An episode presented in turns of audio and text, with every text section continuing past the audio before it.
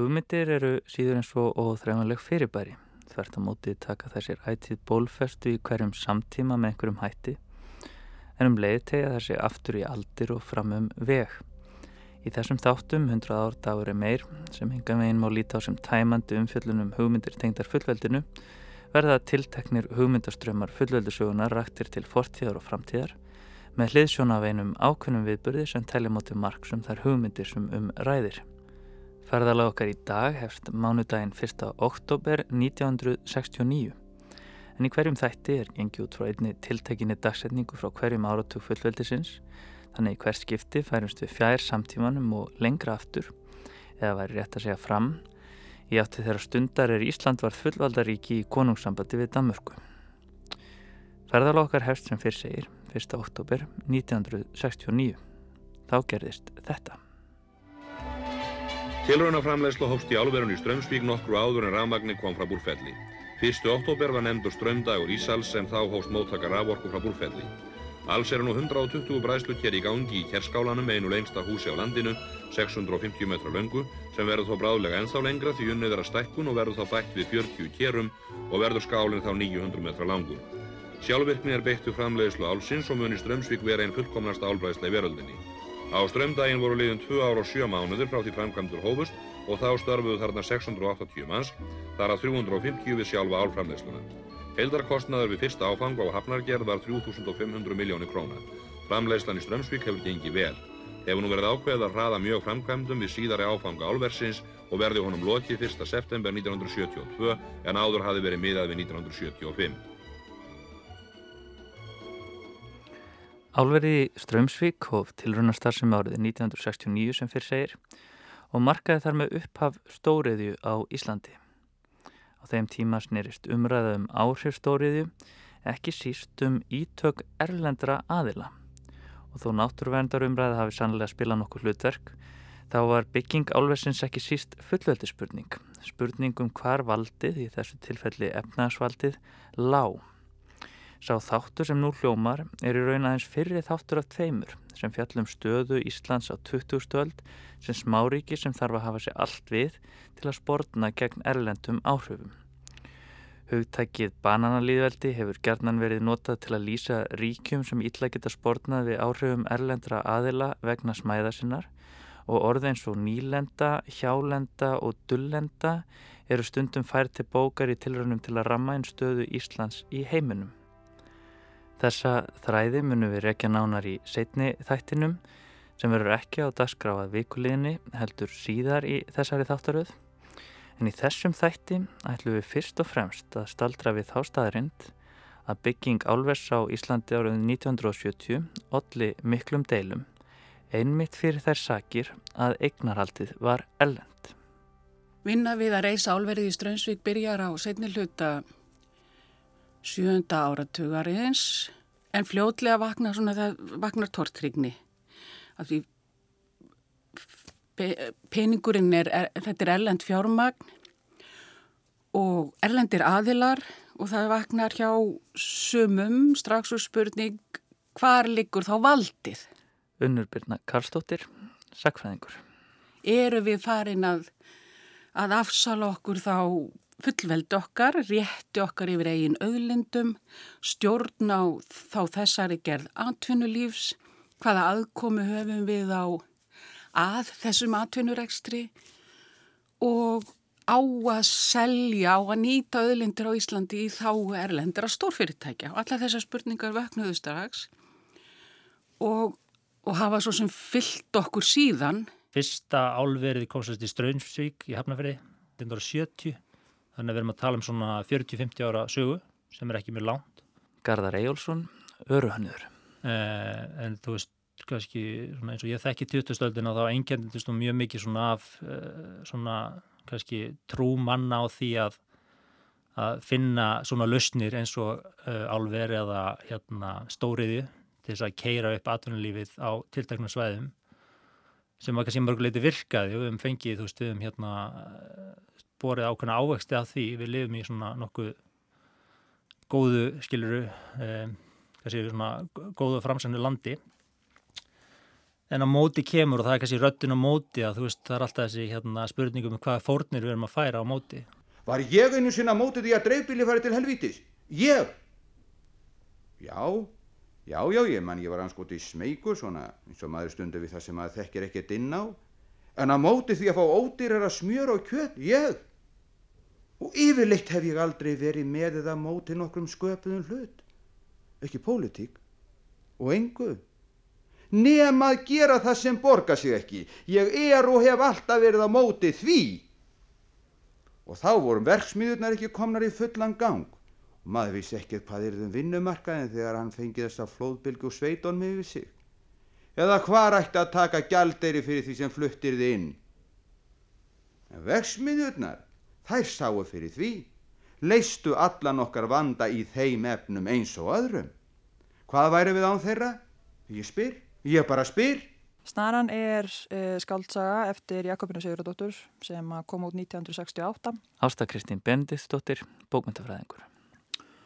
Og eh, er kannski svona líklega hennar pólitískasta verk eða og þó, en kannski svona opinskáasta pólitíska verkið hennar að því leiti að það er mjög augljós og mjög hörð ádela á auðvaldstefnu og, og um, stóriðju í bókinni. Og hún er svona lituð að svona, hvað maður segja, eitthvað skýrum uh, skýrið sosialískri pólitík og, og svona já, og lituð að mjög mörgum atbyrjum sem voru í gangi og þróun sem var í gangi á þeim tíma sem hún var skrifuð Um, aðalpersonan er um, maður sem að vinnur í verksmiðu, þetta er framtíðaskaldsaga þegar, þegar bókið var skrifuð, uh, 68, þá var hún skerstun í framtíðinni sem er endar okkar fortið núna.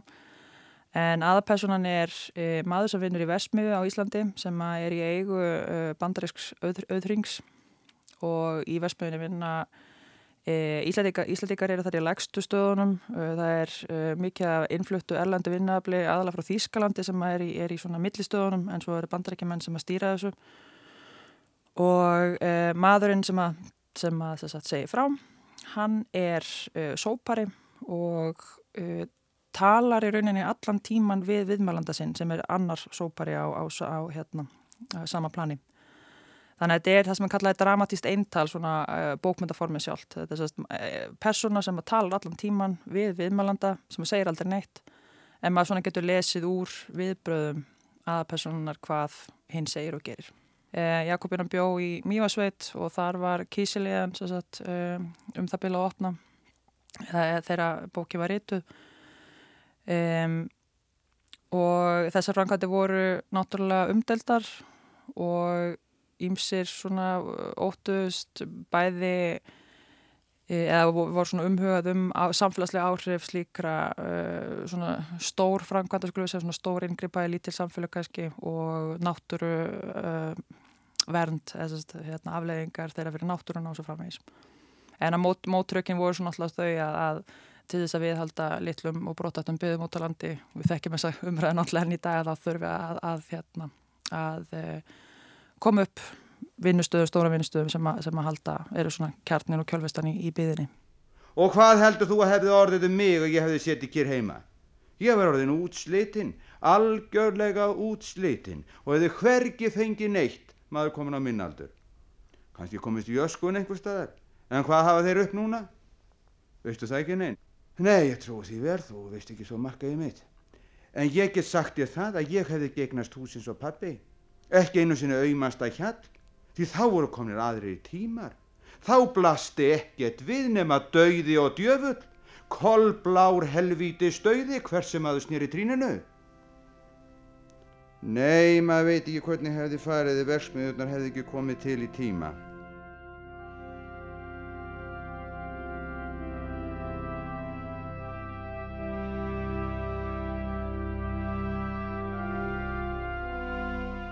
Efnaðarslega sjálfstæðisbárat í Íslandega gengur mikið út á það að ná tökum á atvinnuvegunum og að íta jafnframt öðrum eða útlendingum úr e, atvinnlífi.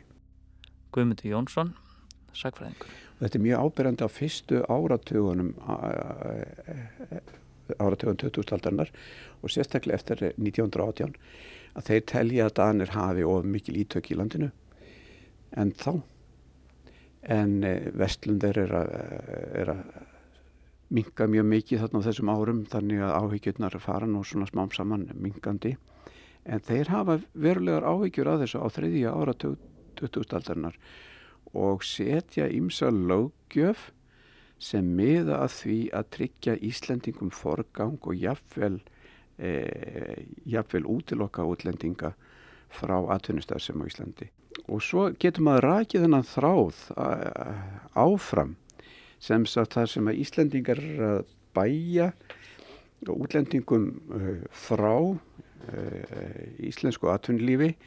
Þetta er til dæmis uh, það verða þarna ákveðinir áreikstrar og deilur á þriði áratögnum um ég var að segja ásælni erlendra fyrirtækja til að fjárfesta í fossónum á Íslandi og byggja upp sem sagt orkuver vass, uh, vass alls virkjanir með það í huga að koma hér upp uh, orkufrekum yðnaði og á þeim tíma varum, vorum við aðalega að hugsa um svona áburðarframlegslu fossafélagin svo kvöldu og títanfélagið er eitt það frægasta í þessu öfni en þau plön öll voru þóðu varu stórkostleg og talsveit fjármagnarn og bakið þá runnuðu nú öll út í sandin þegar var komið fram um svona 1930 Og þar kemur inn hérna saga álversins í Strömsvík sem að Alu Sviss reisti hér, sem sagt Svissnest og var eins og það hétt þá og við kallum en þetta í dag eiginlega svona fjöldþjóðlegt fyrirtæki, Svissnest held ég að þeir hafa samt verið það megninu til en þetta, þetta er svona fyrsta svona alþjóðlega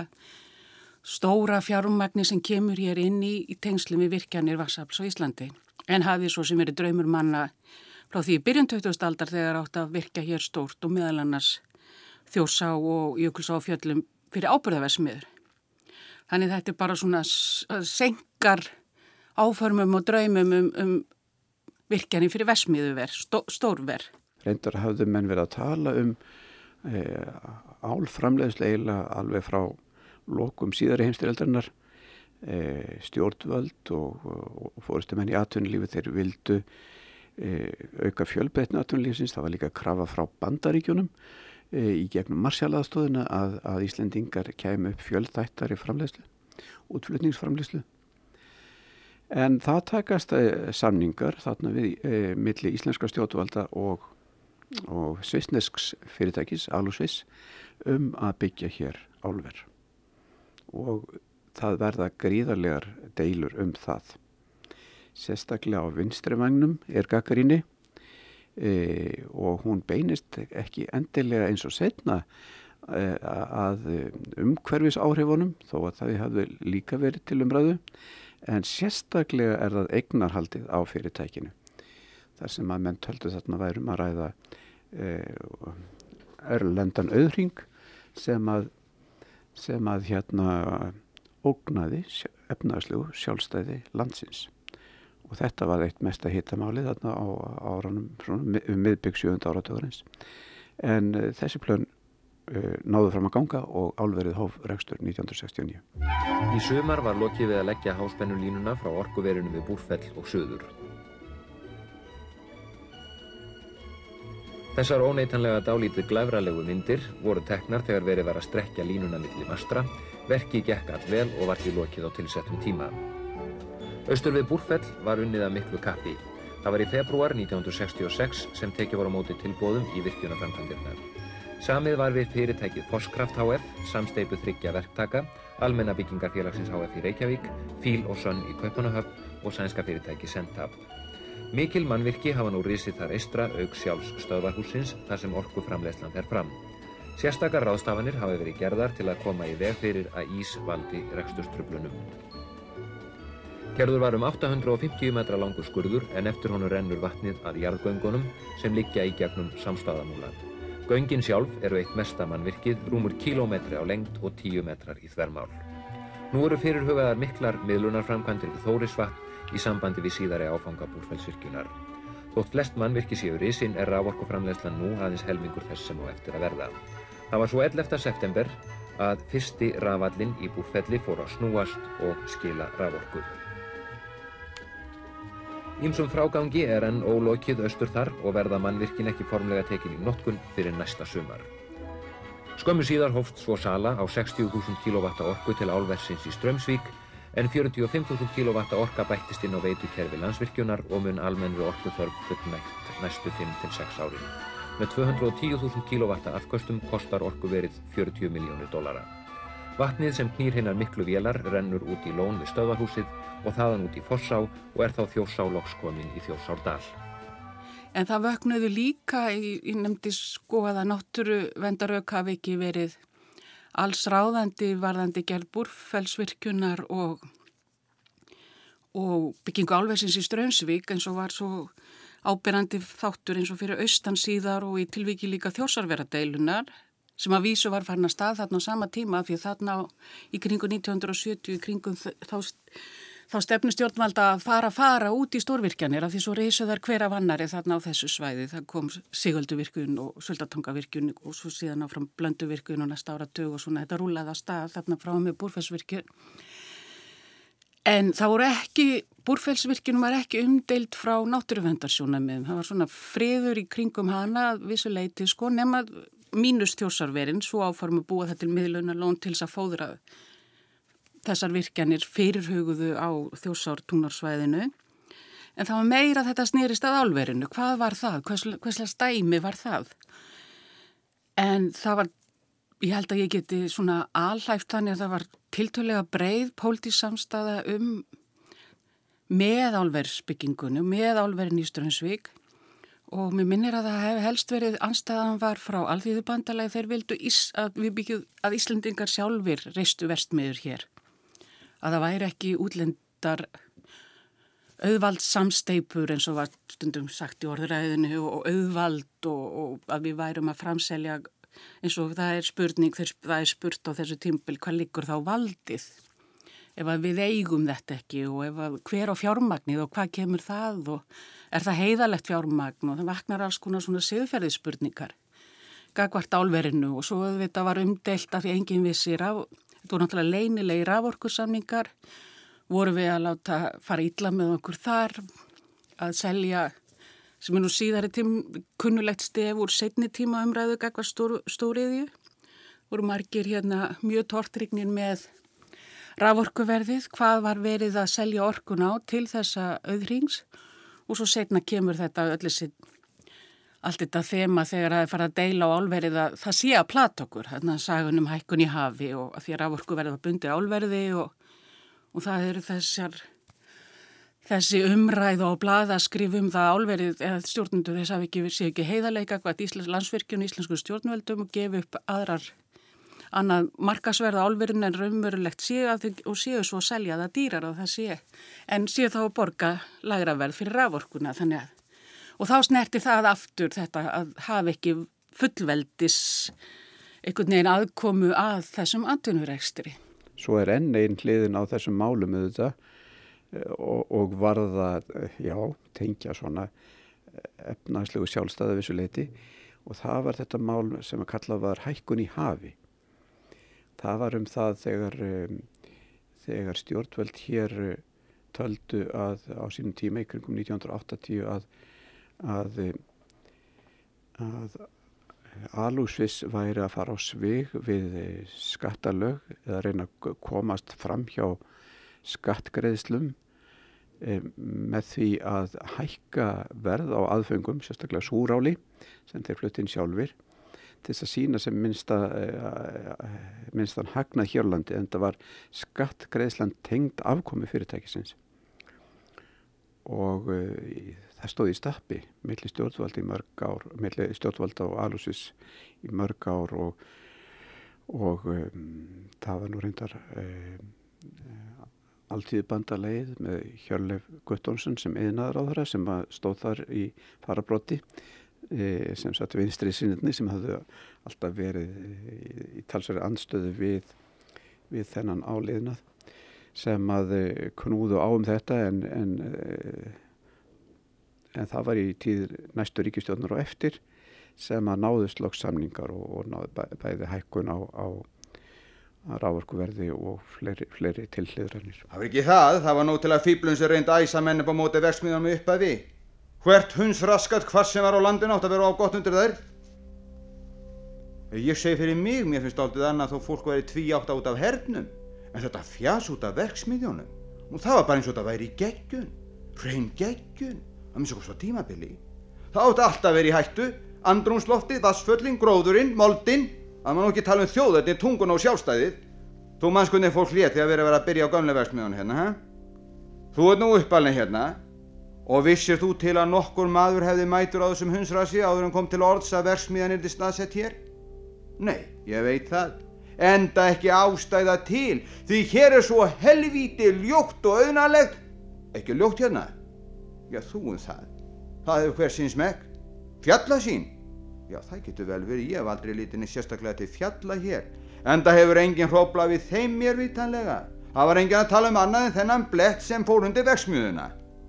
Ég finnst kannski að hann sé ekki fullsæmdur af þeim mannverkum sem hér hafa reysið upp. Jæja. Og hefur loftið eitrast? Eða jarðvegurinn? Já, ég veit það. Það koma fram ímsi gallar í upphafi, hér eins og annar staðar. Það fylgir öllum verksmiðjum, ekki síst efnaverksmiðjum, að það þarf að gera hinnar og aðra varúðar ástafanir. Og það er satt. Ringurinn ætlaði ábyggilega ekki að kosta neina ónöðsynlegu til í því tilliti. Hér kannski við værum skrælingjar sem ekkert vissum. En fekk hann ekki að láta í minnipokan hann? Síndum við ekki svarta hvítu að við látum ekki mörka úr okkur tóruna þegjand og hljóðalaus með útlendu eitubrasi? Ekki þegar það eru hluti sem hægt er að bæta úr með ofurlittum tilkostnaði og við í okkar fulla rétti. Þegar maður svona ber saman eins og til dæmis umræðina um káranjökavirkjun eða og, og í því samengi álverið í í reyðaferði að, og, og hér á landi var til dæmis mikil umræða þegar var verið að reysum það hvernig það voru gefin ákveðin vilirði eða svo hugmynd, hugmyndinu þetta álverð fyrir okkur Íslendinga var svona seldsólti með, með, með undir því flaggi að þannig að væri verið að nota vistvæna orku, þetta væri græn yðnaður og mann beinleins kallaði það græn orka og græn framleiðsla og þá vöknuðu þetta í Káranjúkadeilunni og vöknuðu ekkert, menn voru bara orðnið það vel að sér og við höfum auðvitað í dag internetið og allt svolítið stilsað almenningu líka sem var mikill þáttakandi í umræðu með og á móti Káranjökavirkjun og álverðinu fyrir austan.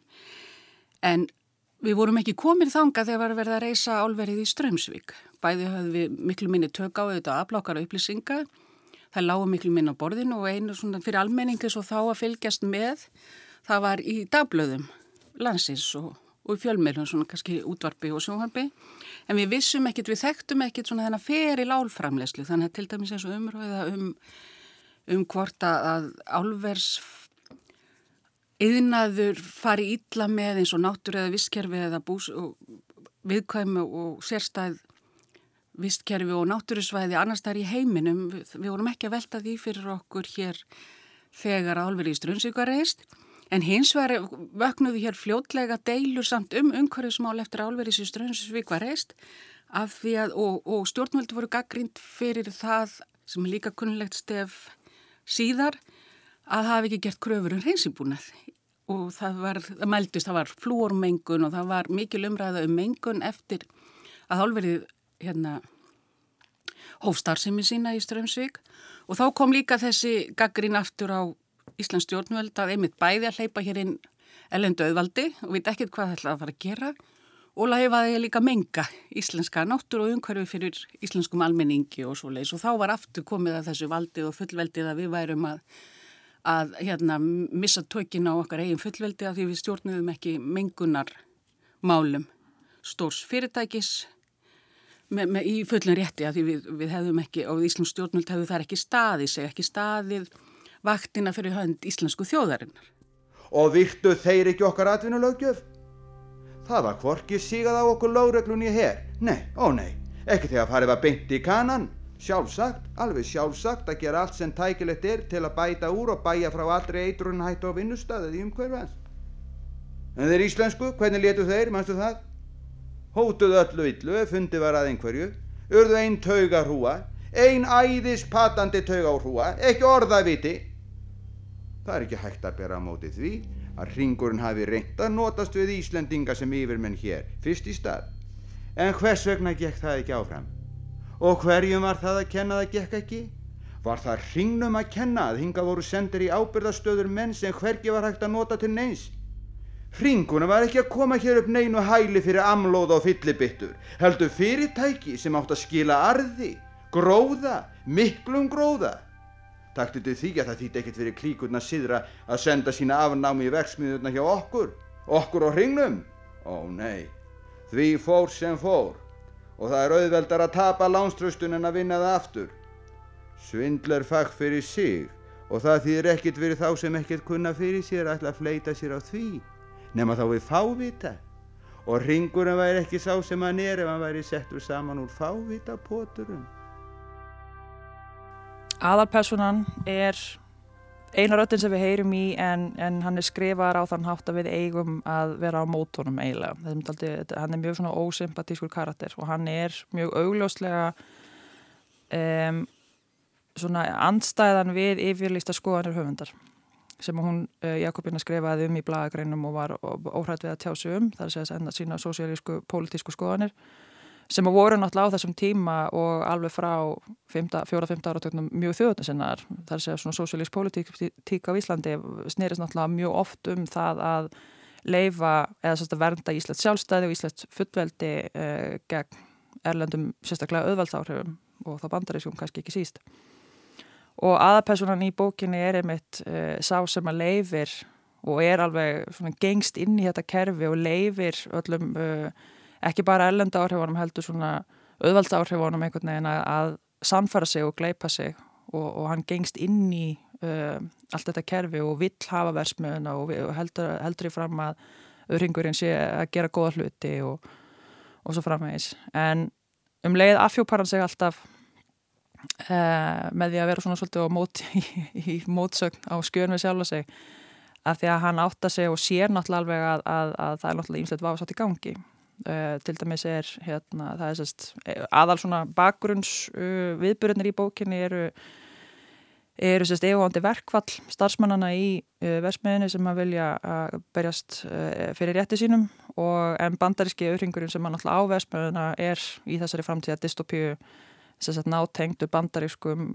pólitískum völdum á Íslandi. Þannig að og sérst sent í bókinn þá kemur sérst ráþæran í heimsókn og það er auglust að ráþæran er á bandi auðvaldsins. Þannig að það er öruglega ekkert að fara að gerast. Það, þeir, þeir eru ekkert að fara að fá uh, bættan rétt sinn þessi, þessi, þessi vinna í versbyrjunni en sérst hann afhjúpa sig aðpersonal með því að, að vilja um hann sýnir að hann veit alveg að það verður að fara ítla með þá en hann er samt til í að gangast inn á allt sem bjóðast bjóðunum.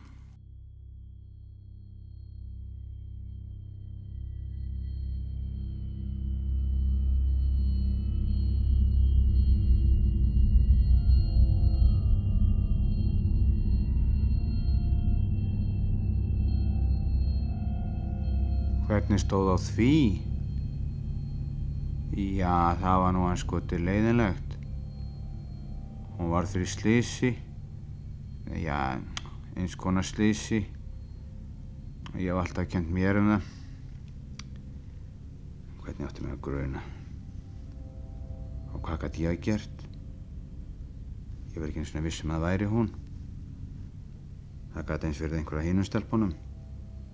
Og þeir hefðu beitt bissum. Eða bara hnífum. Við höfðum ekkert, ekki svo mikið sem vasanýf. Hann segi frá því sögumæðurinn, hann var sérst ungur maður á strísárunum og sýstir hans var sérst, uh, henni var nauðgað af, af bandarskum hermanni og uh, hann, sögumæðurinn og fleiri sátu í næsta herbyggi og, og vissi alveg hvað var að gerast en þóðu ekki eða vildi ekki grípa inn í af því að, að hérna, eða af ímsum ástafum. Þannig að þeir leifður naukuninni að gerast og, og, og gerðu ekkert í því. Þannig að það er náttúrulega augljóslega gríðlega tákgræn merking í þessu fólkin þar að segja að leifa Eh, erlenda valdinu að koma og, og reynilega nauðga, hvað maður segja, takkarnarskilning í íslensku þjóðinni um, á þess að hafast nokkuð af. Það var svoleiðis að Bobbi kom stundum heim til mín þegar hann átti frí. Hann var afskaplega innmenna og ég held eins og ég sagði að hann væri besti strákur. Mamma bannaði mér ekki að bjóða hann minn í kompuna mín að stunda kvot með að ég hafi fataskipti til að fara út með honum. En hún bauð hann um aldrei kaffi. Og ég er vissum og hún hefur tekið það nærrið sér því hún var svo gestrísun og hjertagóð en hún gerði það samt aldrei að því hann var hennmaður. Svo ég flæktist oft hinguð og þanga með honum. Og stundu var slegið partíi í prívatúsi það var sérstaklega í einu húsi. Já, það var svona svona. Og maður var ekkert að reyka tríni þar sem hann kom ekkert við og mér fannst Bobby alltaf eitthvað öðruvís en hinnistrákarnir og þess vegna dætt mér ekki hugað hann Nú Inga, hún var aldrei nema kvennmaður þó hún væri svona hrifin af Eiríki og sammálunum um allt þá fór það svo að hún fór að taka undir þegar Bobby hilsaði henni. Og stundum stansaði hún hjá okkur og masaði eitthvað við okkur ef við hittum hann úti við þegar Bobby heimsótti mig. Ég var þó alltaf bróður hennar og þetta var vinur minn eða ég held það. En það var Eiríkur hann sá einu stund að Inga var að tala við okkur Bobba og hann var alveg snarbrjálaður. Því líkt. Mamma fekk fyrir hjartað og Inga sagði, ég sver Eirikur, sver að ég segi satt, en ég tala við hvert sem ég sínist, ég á mig sjálf þó við séum trúlofuð og ef þú treystir mér ekki þá er það allt búið. Þá gögnaði hann í bíli, en hann treyst en aldrei eftir þetta. Ekki fullkomlega, það er ég vissum og það hljópi hana þrjóska. En samt. Samt. Uh, hann er alltaf að afsaka sig sögumæðurinn sko og segir að hérna, hafi, þeir hafi verið vopnaðir og hann hafi ekki þórað og það hafi verið hættulegt að grípa inn í og enginn hefði geta vita hvað hefði gerst og svo framvegis. Um, þannig að hann er hrættur en þetta líka snýst líka um einhvers konar siðferðislega svona grundvallar prinsip og afstöðu til þess að, að leif ekki öllu, öllu að gerast Hún gerða kannski að þrjósku veirík eða fyrir mig. Ég veit aldrei hvers að hún gerði það að komið þetta blessparti þegar Bobby var kallaður út. Kannski hefur hún vorkend Bobba greinu sem horfið á hann eins og hún væri heila og Maria hvað sem hann sá henni bregða fyrir. Og hvernig gæt mér svo dottið í huga hann einmitt hann eða hún tæki í mála að koma þá í bæina bara svona hins eginn bjóst við ískölu negi og þessu augnaráði sem ég get reyndi ekki líst en hún kom. Og hvernig áttu mig að gruna? Hún bræði ekki vín. Var alveg eins og hún átti að sér. Svo hverfa þau. Og allir búin að para sig. Og ég sýt alltaf með teimi á kunningi minnum slompar á vittlaus annar var vinnufélagi minn, hinn bretti Svo heyri hann að veina, heyri áflóku, æft á hjálp og rík á lappir en þetta aftur niður í stólinn. Sitt eins og lamaður og heyri hvað er að ske. Hinn er líka. En hvað gæti ég gert? Það gæti líka alveg eins verið önnu stelpa, stelpa sem var með yngu. Hvernig fólk leita oft eins og djöfullin bara til að æsa upp í munna náttúruna. En svo veinaði hann á mig Mig? En hvað gæti ég gert? Þeir hefði geta beitt bissum, eða nýfum. Svo hætti veinið og ég held ég að við sagt um við ekki að fara einn til þeirra. Þeir réttu með bokku eins og þeir hefði ekki teirt.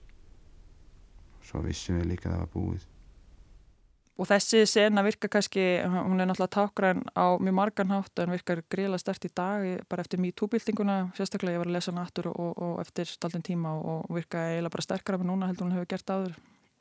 Eftir alla þessu umræðu um það að, að, að þessi einhvern veginn skilda okkar að sem samfélags að e, leiði ekki svona hlutum að gerast. Og ef við yfirfærum það sér yfir á þessa, þessa, eh, bara yfir á pólitík eða samfélagsmála almennt, þá er það náttúrulega eitt grundvöldaratri í því sem að Jakobína var að reyna að koma framfæri með þessari bók var að það veri skilda allra borgara að taka ábyrð á pólitík landsins sem þeir búa í e, með kostingarétti sínum og því að mótmála því sem að, að fer fram ef það eru ekki sáttuða. Þannig að þetta er svona grundvöldar skilabóðin held ég. Það er kannski daldið ábyrrandi þegar maður einmitt fyrir að hugsa um þannig að þessi andúð á erlendu ingripi og svona erlendu valdi á Íslandi um að skoða þessa bók er að, að um, þó að sögumæðurinn sé kannski alls ekki einhvern persóna sem að vil samsama sem með, þá getur við samt eiginlega ekki annað af því að ofsalega margt af því sem hann er að segja og gera þó að við myndum, viljum náttúrulega trúa því að við hefum gert öðruvísi heldur en hann að þá er sko það sem hann er að hugsa er alveg eitthvað sem mjög margir hafa hugsað. Og eitt af því sem ég tók eftir er að, að hann er bara reynilega hrættur og, og og við vitum það náttúrulega að sérstaklega já, þjóðuninspopulismi er náttúrulega líka ofsalega margar aðrar hugmyndastefnu ala á því að einhvern veginn það, er virka af því að fólk hræðist afleggingarnar ef eitthvað annað er gert eða ef þetta tiltekna er ekki gert.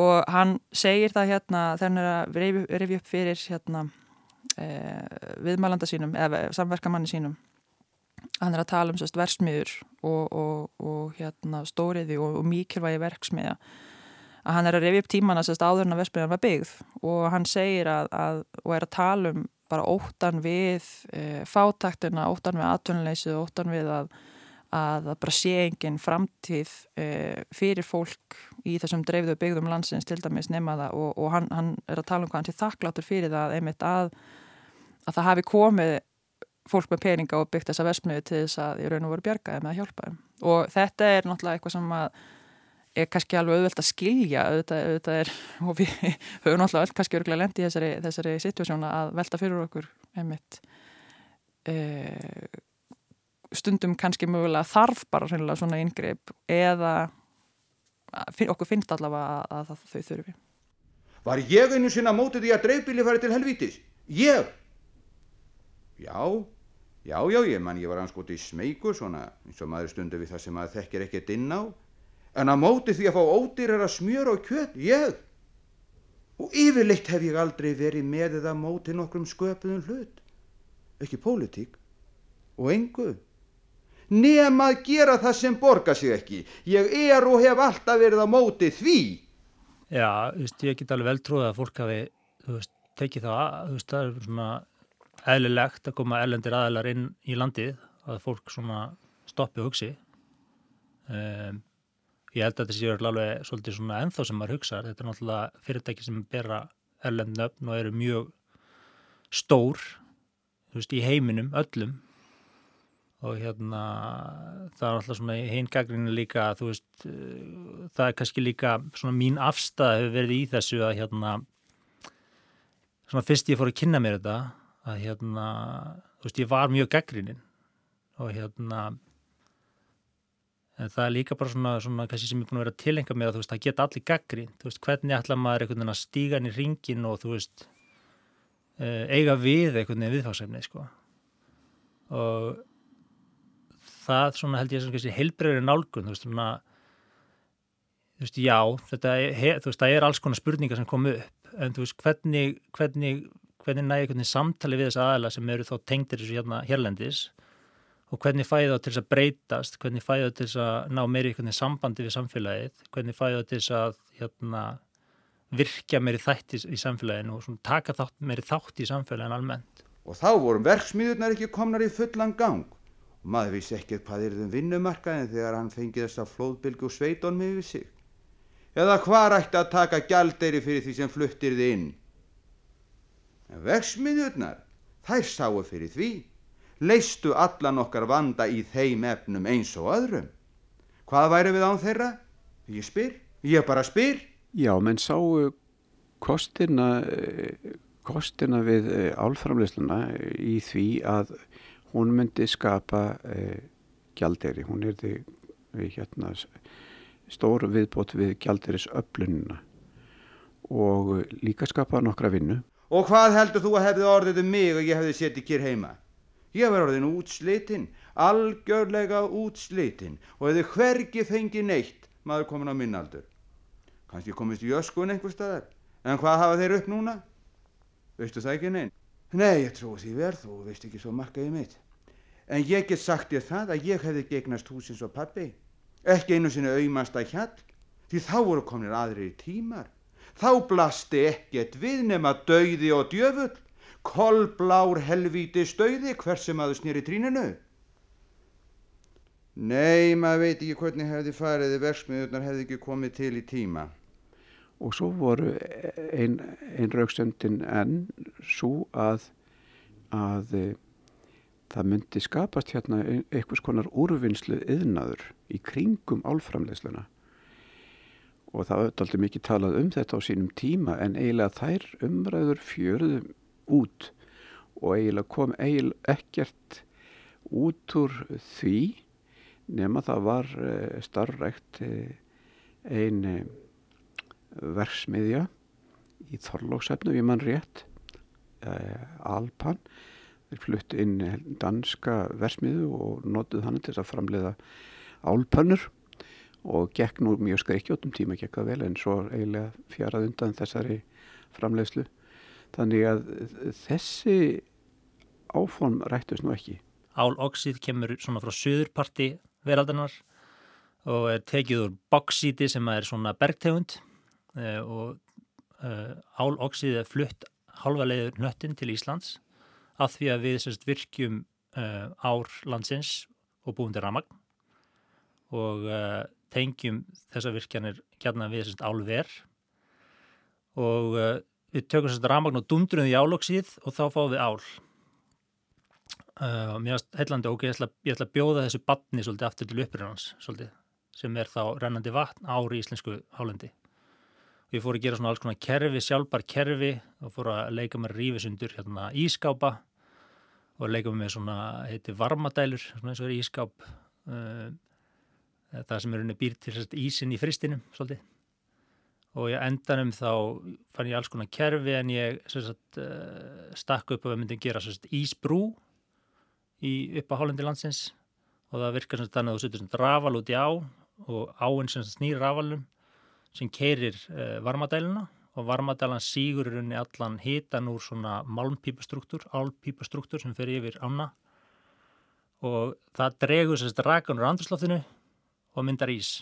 Þannig að rauninni býr áinn til brú yfir sjálfan sig. Og með þessu langar mig aftur svona að nálga sérst já, yðnaður en líka sérst túrismi og náttúra og reyna svona að setja þetta allt saman í einn hrærugraut og sjá hvað myndi koma út. Ég hef náttúrulega ekki gert beina rannsókn á því en ég mann þegar ég var að gera rannsókn mína á deilunni um Káranhjúkavirkjun og, og sem átti að verða miklu meira meiri sem Káranhjúkavirkjun við þekkjum það allt verðandi í Östurland að þá held ég að það hafi komið mörgum Íslandingum kannski óvart, þetta er eins og meðall málefni við fyrir mikið að hugsa þau til í, til, til hlítar fyrir aðeim kemur. Og ég held að við komum mörgum íslendingum og óvart hvað álversframleiðsla er, hefur viðtæk umhverfis áhrif. Já, það er kannski svona þáttur sem við sjáum minna af uh, og er kannski svona mest gaggrind í því ferli. Og það er náttúrulega þegar verið að náma báksít og þá verið að, sérst, að hérna, taka út álóksíð og það hefur tölvert rask í förmessi líka. Og hérna þetta hefur harlega gaggrínt uh, og oft sér maður kannski myndir sem eru ekkert sérstaklega fallegar frá þessum, frá þessum svæðum.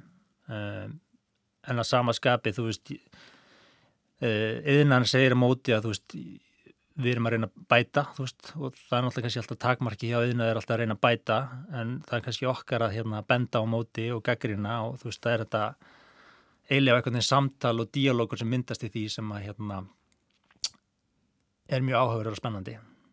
Hún hefur svo mörg, eh, svo það heiti jáfnvel sótspor og það er þessi, þessi báksitt framlegsla sem að vera á í er sunnar í heiminum, sigla, þarf að sigla með þessar afriði fram og tilbaka og þekkjum þetta, þetta var mikið atrið í, í umræðinu fyrir austan þannig að að þessi hugmynd okkar kannski svo er orðið ríkjandi í dag varðandi fyrir utan svo eins og fyrir austana þá er þetta aftur erlend risa fyrirtæki og það eru þetta aftur spurningin um vald og rétt og aðkomu þjóðríkisins að, að svona fjölþjóða fyrirtækjum og það er nátt alþjóðli umræða að þau séu orðin út um allan heimi svo ríki ríkinu og bara ríkistjórnur og stjórnvöldi löndum ráð ekki neitt við neitt. Þetta sé bara orðið og, og sá ótti svo sem hefur tengdist mjög nýjustu, síðustu deilum um álverð hér á landi pluss þessi umræða um um umhverfis spjöll, umhverfis mengun en það sem er einmitt nýtt í álverðsumræðinni fyrir austan er það að við tengjum þá ekki, við rætum um Ísland í sambandi við mengun frá álverðinu Strömsvík en, en varandi álverði fyrir austan þá rætum við um heiminn allana því við erum orðin alþjóða hafum alþjóðleiri og víðar í sín í umhverfismálum. Við erum ekki bara þessum okkar garð heldur líka annar staðar í heiminum. Þannig að það er múið að segja að það sé svona söguleg, svona ef maður er svona á tíma ásnum og sögulegan samaburða þá, þá hefur þetta bæst við eftir um og í kringun 2000 þessi svona umhverfisvendar vingill ekki bara á Ísland heldur líka til annara landa og ég vil langt í burtu frá okkur. það er um, áhugaverð grein sem að Jakobina skrifaði í, í, um, og, og byrti í minnum í þjóðvílanum um, stuttu áður að snaran kom út sem að í raun og veru fjallar um uh, mjög tengt efni en náttúrulega sett fram að sjálfsögða allt annan hátt að það er höfundurinn að skrifa bara grein en þess að sömu hugmyndi koma fram fyrst með daldið í sögumanninum í snurunni. Og það er aðalatrið þar er að hún er að hamra á þjóðinni, ekki endilega stjó, hérna, þeim sem að stýra þjóðinni, heldur þjóðinni sjálfri að hún verða að axla ábyrð með því að e, taka ábyrð á þeim því fólki sem, þau, þau, sem hún hefur kosið yfir sig og þeim ákvörðunum sem að, að, að e, þau stjórnvöld hafa tekið.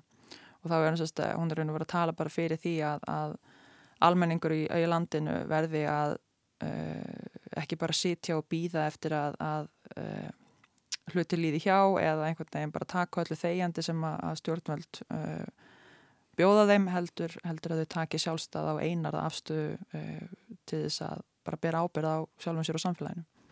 Eitt partur í þessu náttúrulega líka tengdur er hérna að hérna álóksiði sem flutt allavega til Íslands uh, við breytum því ál og það er unni megnum til allt flutt í burtu uh, þetta fannst mér náttúrulega sjálfum svona verandi hönnuður mjög skrítið veist, við erum að fara í gegnum allan þannig að fasa að hérna setja upp þessi álver og, og bera efni allavega hinga, veist, af hverju leggjum þá ekki meiri ork og metnaði að gera þá eitthvað við það hér. Það því rauninni mestu verðmætin eru þegar þú umbreytir síðan efninu í eitthvað hérna áþrjávanlegt, eins og vöru eða upplöfun eða eitthvað annað tengt. Þannig að þú veist, það er kannski meira að vera minn vingil, þú veist, ok, þú veist, þetta er hérna, við erum búin að taka það afstöðu sem þjóð, þú veist, hvort sem okkur líka betur að verð. Eh, veist, hvernig, hvernig getur við þá tekið í næstu skref áfram, en hvað þýðir það og veist, hvernig, hvernig getur við búið til uh, uh, verkefni, uh, fyrirtæki, samræðum eða svona hvað við ætlum að gera við þetta og hvað, hvað ætlum að nýta það í í rauninni. Og ég er svona, fór að kanna það og fór að skoða efnið og efnis eiginleika og komst að því að þetta er mjög magnað efni. Það verður alls konar eiginleika eins og það er hérna, það er svona mjög veðfólið og það er mjög létt, það er leiðið mjög ramagn mjög vel. Og uh, svona frá eðinaðarforsendum og svona forsendum hönnuða og verkfræðing og, og tengdara greina þá er þetta svona eins og eðinaðar leir, það er náttúrulega að gera allt við þetta.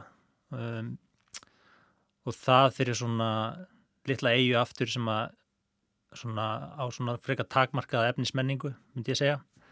Eh, við hefum verið að díla skilur við fisk og þú veist við og kindur og þú veist, ull og svona taldi hardgerð efni. Þá fáum við allt í henni svona einhverja gemveru inn í okkar mengi. Gaggrínin í, í garð álfæramleyslunar hefur einmitt beinst að þessu sko að hún hefur ekki skapað mikil svona umsvið í kringum sig hér í landinu heldur kemur inn í landið sem, sem í formi stórar verksmiðu notar erlend aðfengar langmestuleiti e, og þegar við erum að meta efnarslegt framlag þessa yfirnaður e, þá verðum við myndið að hafa það í huga að líti ekki bara á útflutningsverðmætið heldur líka að draga frá e, innflutningin á aðfengunum til að sjá svona netto framlegð þessa atvinnuvegar í, í atvinnulífun almennt en, en innflutnings Eh, innflýtningsþarfinnar í þessar framlýslar er mjög miklar. Sko þetta hugtak bananaliðveldi það er vissulega mjög áhugavert og, og, og hérna og þetta það er einhver undirtókn í því sem er svona svolítið rasískur í raun og veru. Sara S. Öldudóttir. Og hérna að því að maður tengir jú banana svona við söðrið og og þar af leiðandi brúnt fólk. Og þetta er að vissulega þáttur nýlendusögunar sem að er um, æbandi uh, og svona er eitthvað sem að er mjög áhugavert að beina sjónu sinum að þegar maður er að staðsetja Ísland enn þessar sögu og svona hvar maður hvað er, hvað er nöðslegt að horfast í augvið en vissulega er það fjalla um í þessu hugtæki svona áhrif um, erlendra utanaðkomandi afla í þessu tilviki uh, auðmangs í raun og veru stórfyrirtækja og, og svona vald stórfyrirtækja gafnvart smáum eða veikum löndum og og áhrif og, sko, og, og vanþróað líðræði í raun og veru. Það er svona áhugavert til dæmis hérna, með þetta lón upp á káranhugum.